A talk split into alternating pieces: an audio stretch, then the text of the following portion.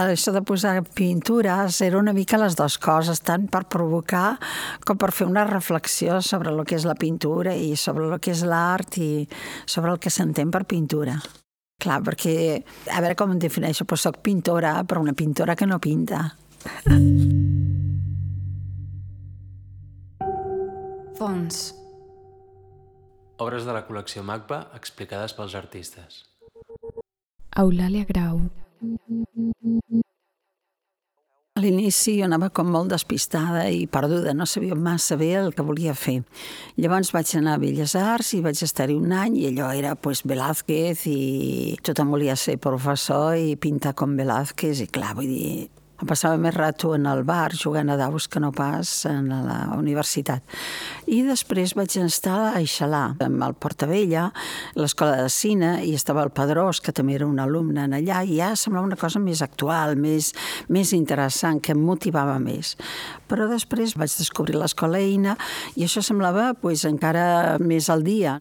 I vaig anar allà i vaig estar-hi. El primer any es feia disseny gràfic, disseny industrial i d'interiorisme, i el segon any hi ha una especialització.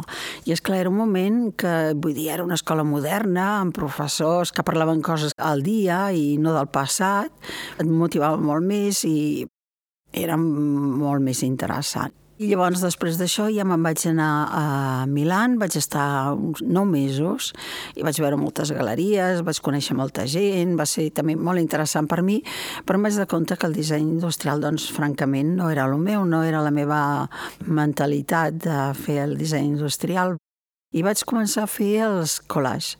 I amb això em sentia molt millor i era una forma de que jo em podia expressar i que evitava pues, el dibuix i la pintura, que havia avorrit el col·legi de monges perquè em feia classes, els meus pares em van enviar a fer classes particulars amb una monja allà i fer uns dibuixos pues, horrorosos. I ja vaig decidir que no volia ni agafar un llapis ni un pinzell mai més. I el col·legi tot això m'ho permetia. I, bueno, vaig començar a fer-ho i després el treball ha anat evolucionant. En aquella època, doncs, les enografies van ser les primeres teles emulsionades que vaig fer. I després, l'any següent, vaig fer tota una altra sèrie que vaig presentar a Madrid a la Galeria Boades. I algunes estan sense pintar, tal qual les fotografies, en canvi altres estan doncs, amb una màscara i una mica d'anilines o bé acrílic pintades, jo diria, colorejades, com un nen petit, vull dir, no, no és la pintura d'un artista, el pinzell... I... Tot això jo ho feia per evitar, doncs això, l'artista quan fa una obra i pinta, es mira la paleta, es mira la pinzellada, i són àlibis per sostreure's el que l'obra representa. Jo crec que el collage fet amb els mass media és un treball molt cru, molt directe i no hi ha superfugis. Tot era els mass media, diaris i revistes. Jo m'anava al quiosc, comprava tots els diaris o molts diaris que sortien al dia, a la setmana, revistes de França, d'Itàlia, d'allà on fos, de l'Alemanya, l'Spiegel, i llavors m'anava a casa, tenia una taula molt gran i m'ho anava llegint i anava seleccionant les imatges que em copsaven i que m'interessaven. Llavors les guardava a part, les retallava i quan en trobava una altra que era la parella, pues, les enganxava juntes. Així de fàcil senza teorías, masas teorías. Suposo que és la meva forma de pensament, de veure les coses sempre analitzant-les i veient-les en comparació amb altres, no? No les veus soles, a tu te les mostren soles una mica a vegades per enganyar-te, perquè no vegis la realitat, però si mires dues realitats a la vegada, llavors és quan surt una mica la veritat. És un diàleg i és una contraposició de diàleg per parlar, per comunicar-me amb els altres. És un diàleg fet amb imatges. Els conceptuals, per ells jo feia quadros perquè ells feien coses efímeres, treballs efímers, que després desapareixien, quedaven només les fotos. Però els pintors encara ara em diuen que haig de pintar, per ells, clar, i jo no pinto. Llavors no sóc ni pintora ni conceptual. A veure, jo m'interesso amb la societat, amb la gent, això és el que a mi em dona les idees. Jo vull influenciar-me del carrer, de la gent, del que veig. Inventemos també nosotros ho va dir el Vilarreyes, perquè suposava als estrangers que feien coses i que produïen, i llavors ell va dir, inventemos també nosaltres, treballem també nosaltres, i fem... I bueno, era molt apreciat perquè sortia a la televisió i era com un model d'industrial català i tot això. Estava el Diego Navarro, que era un home d'Almeria, de la construcció, un obrer de la construcció, que vivia amb la seva família en unes barraques que s'havien construït ells mateixos aquí a les afores de Barcelona, i aquest home es volia, es va adherir a una manifestació per la cultura catalana, i es van trobar en un puesto allà en el camp. I jo vaig anar després a fer la foto d'allà on s'havien trobat pel Vendrell, em sembla que era. I la Guàrdia Civil li va desparar, li van disparar un tret a les nalgues, i el van agafar el van posar a la presó. Llavors no li, bueno, el van passar per l'hospital, que el metge li va dir que no calia treure la bala, i l'home aquest pues, estava a la presó i es va desesperar i se'l van trobar penjat, es va suïcidar. Llavors, per una altra banda, hi havia el cas del Vilar Reyes, que era un industrial català que exportava coses i defraudava Hisenda. A darrere d'ell hi havia polítics, hi havia molta més gent, diguem que ell va ser el cap de turc i els altres no van sortir. Llavors, quan es va descobrir lo del Vilar Reyes, pues el van agafar amb ell i el van jutjar i el van condemnar a retornar pues, tots els milions que havia cobrat o havia estafat. El van posar a la presó, però en una cel·la de luxe, amb la màquina d'escriure, que hi ha una foto en l'obra, i anava, li portaven el menjar del restaurant i després no hi va estar-hi gaire, el tenien a casa vigilat, però els diumenges podia sortir per anar a missa. Va donar 1.000 euros, em sembla, per la campanya del Nixon, per apoyar el Nixon. També hi havia molts diners que es veu que van anar a parar a l'Opus Dei. Clar, tot això estava ell protegit per tota aquesta gent i després el van amnistiar i també més tard el van amnistiar dels diners que havia de tornar, així que els fills rics i contents i aquí no ha passat res. El Diego Navarro hi havia menys informació a la premsa, però també va sortir, va sortir el cas del que havia passat i van sortir algunes fotos d'ell, de l'esquela i la foto del cementiri. I llavors jo no sé perquè ja fa tants anys, però vaig començar a connectar amb gent. En aquella època vaig començar a conèixer la gent de la CNT, era un moment que, de moltes esperances i de molta efervescència, la gent jove tota, hi havia molta inquietud. I llavors suposo que per allà ja van ser qui em van saber trobar i vaig poder connectar amb la família, vaig estar a casa d'ells, els hi vaig fer la foto, la foto que està la, ella, la vídua, amb els fills, amb el Diego Navarro i el Vilarreyes hi ha tot un seguiment. Per exemple, vaig comprar els llibres, tots els diaris, tot el que sortia per informar-me, perquè jo el que no vull és difamar ningú, vull dir el que és i prou. Tenia una presentació a la Galeria G i tenia que presentar pues, clar, una obra més concreta i més total, més unida.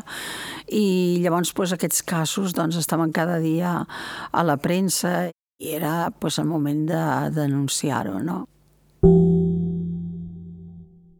Crec que és un treball de rebel·lió, que em vull revelar i l'únic que puc fer és això, que és molt poca cosa. Però és una manera doncs, també de, de comunicar-me amb els altres i de dir-los el que jo sé el que, que també pensen, no? perquè tota la indignació que senten en aquest moment de tanta corrupció i de tantes coses, és com un còmic. Cada dia hi ha una, un nou capítol d'una novel·la, vull dir, a veure què ens diran demà. I el cas pues, del Diego Navarro i el Vila Reyes, pues, avui en dia hi han pilots de situacions semblants que, desgraciadament, que no ha canviat res. 40 anys i no ha canviat res. Em sap molt de greu, eh? Mínimos i màximos, amb el treball de les vivendes hi han tres treballs. Una és el llibre Llavors també hi havia la revista Arquitectura, em va demanar que fes un treball per la revista i és quan hi ha les entrevistes també amb la, amb la gent que ocupava els diferents tipus de vivendes, d'habitatges que hi havia llavors, una mica com ara mateix. Vam anar a una casa que acaben de reformar, se reformaven les cases antigues i llavors per vendre-les molt més cares. Llavors vam anar a una casa, una torre de luxe que estava a les afores de Barcelona, fora del camp, i que, bueno, només era pels caps de setmana i així, només hi havia la senyora que la vigilava, i vam trucar a aquests senyors demanant permís perquè era per publicar la revista, el que no vam explicar el que diríem, no? Bueno, era una mica de veure els diferents tipus de situacions, com viuen els rics i com viuen els pobres, les diferents classes socials i les diferents habitatges que tenen. I llavors també hi ha el vídeo, aquest vídeo s'ha perdut. L'Eugeni Bonet em feia de càmera, jo no recordo que aquest vídeo s'arribés a presentar, no ho recordo. Però és que he estat 15 anys fora i a la Xina, nada menys. Quan vaig tornar de la Xina no em recordava de res, tot això jo ho tenia oblidat i enterrat. Jo no me'n recordo que es presentés en lloc. Jo crec que no el vaig arribar ni a veure. Hi ha treballs que crec que s'han de fer des de dintre. Quan parlo de la dona, són situacions que les conec jo perquè sóc una dona. Si les fes un home, el mateix treball potser tindria una altra, inclús una altra interpretació. El treball de la dona tot el material és tret de revistes, de diaris, o diaris alemans, però molt underground, o sigui, que no eren els que estan eh, així a la venda en els quioscos. Vaig tardar molt de temps doncs, per llegir les coses per tenir una informació a l'hora de posar les imatges en el seu puesto. Els llibres aquests doncs, eren produïts a Tarragona a través del Marcel Pei, a petites editorials que allà que me'ls publicaven, i llavors doncs, estaven a les galeries. Era una cosa molt minoritària. I la gent que ens coneixia, que s'enterava d'això, doncs, era doncs, universitaris i intel·lectuals, però el gran públic ni el mig públic, allò quedava entre poca gent, no? La de més gent no s'interessava, no sabia què feia i tenia una desconfiança total a la nostra obra. I era la situació de la dona, perquè seguim tenint encara moltes situacions semblants. La dona encara segueix cobrant menys que un home, però en aquella època era molt extrem la situació de la dona, no? Que tenia que estar a casa, callada, i no fer res, i en canvi l'home, pues, tot. A l'escola jo vaig estar en un col·legi de monges, pues la dona, quan es feia gran, ja pues, es tenia que casar, ser mare de, de família, tenir fills, estar-se a casa, cuinar. Tenies que saber cuinar, tenies que saber portar una casa. Si no sabies cuinar, el marit et tornava a casa, perquè la mare te n'ensenyés. És que és fortíssim. T'educaven amb aquesta intenció i no tenies escapatòries. Se suposava que no tenies escapatòria i veies pues, que la política només eren homes, els que manaven només eren homes, els caps en una empresa eren homes, els bancs eh, allà eren homes i la dona tenia sempre un paper secundari. Inclús la dona a la presó estava en situació molt pitjor que l'home. Quan tenia nens i entraven els nens a la presó, però quina experiència per aquests nens tan petits d'estar en una presó. O jo me'n vaig, per exemple, en una ocasió amb un casal fora de Barcelona, un diumenge al matí, i estava el casal ple, les taules plenes de senyors, jugant a daus a les 10 del matí, o sigui, aquests senyors s'han llevat al matí, no hi havia ni una dona. S'han llevat al matí, la tenien l'esmorzar preparat, esmorzat, s'han vestit i han sortit. Ara, quan sigui al migdia, a l'hora de dinar, aniran a casa, tindran la taula servida, se sentaran allà i dinaran i després la siesta o la migdiada. I això avui en dia, gent gran, eh? però encara estan mentalitzats així. I això és molt greu a la nostra època. Amor en Público també, vull dir, era un moment molt terrible, perquè, per exemple, a Alemanya hi havia la Baden-Meinhof, que era un grup que van acabar tots pues, morts, suïcidats, es van suïcidar, els van suïcidar, no se sap molt bé on van morir de, en vaga de fam, perquè els hi va costar molt de poder-los enganxar en aquesta gent. Els van posar en cel·les aïllades, que era una tortura total, eren cel·les completament blanques, no hi havia finestres, tot el dia tenien la llum encesa, no es deixaven comunicar amb ningú més ni veure ningú més, ni entre ells es deixaven veure, i això era Alemanya. Era un sistema de repressió terrible contra tots els que suposaven el seu sistema, no? I en aquí, doncs, esclar, estava l'escola, des de petits, la casa, el pare, el pare era el que manava, el que et deia a les nou has d'estar a casa, que et vigilaven, que et controlaven aquesta manera de veure la societat, de com la societat està organitzada, de forma de que tots estem callats i obedients i que ningú se'n surti i que ningú vegi més enllà del que volen ensenyar-te que vegis.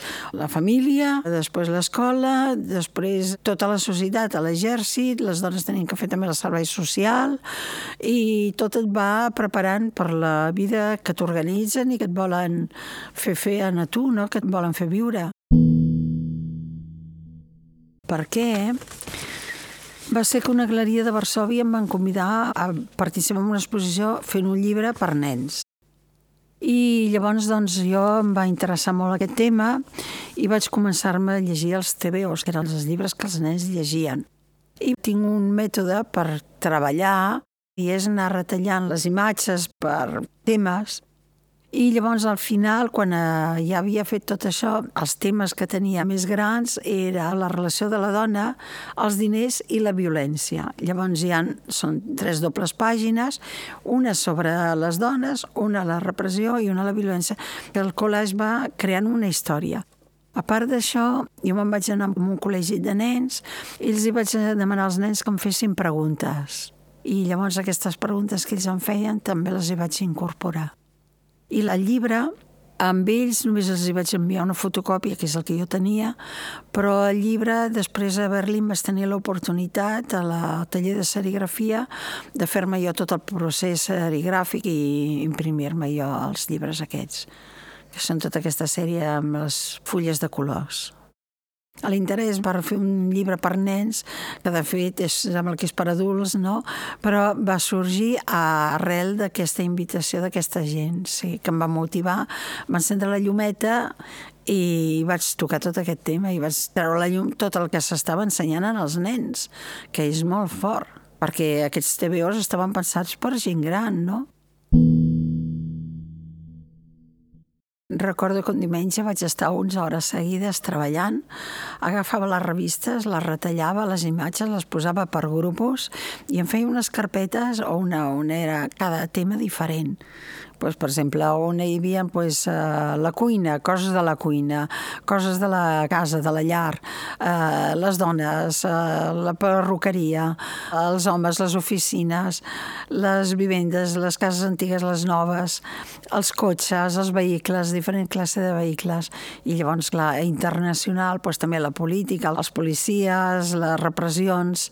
Sí, perquè si no, quan buscava una cosa, quan volia dir alguna cosa, perquè ja eren els treballs al principi havien passat de ser molt espontanis, un per un, separat de l'altre, a tenir una connexió molt més historiada, no? El procés de formalització d'un treball, primer has de tenir clar el material que tens i el que vols dir. Llavors, doncs, una mica segons el que el material t'exigeix. És més aviat el material que t'exigeix una forma de presentació, de formalització, que no pas tu pots pas forçar-ho de quina manera s'ha de presentar.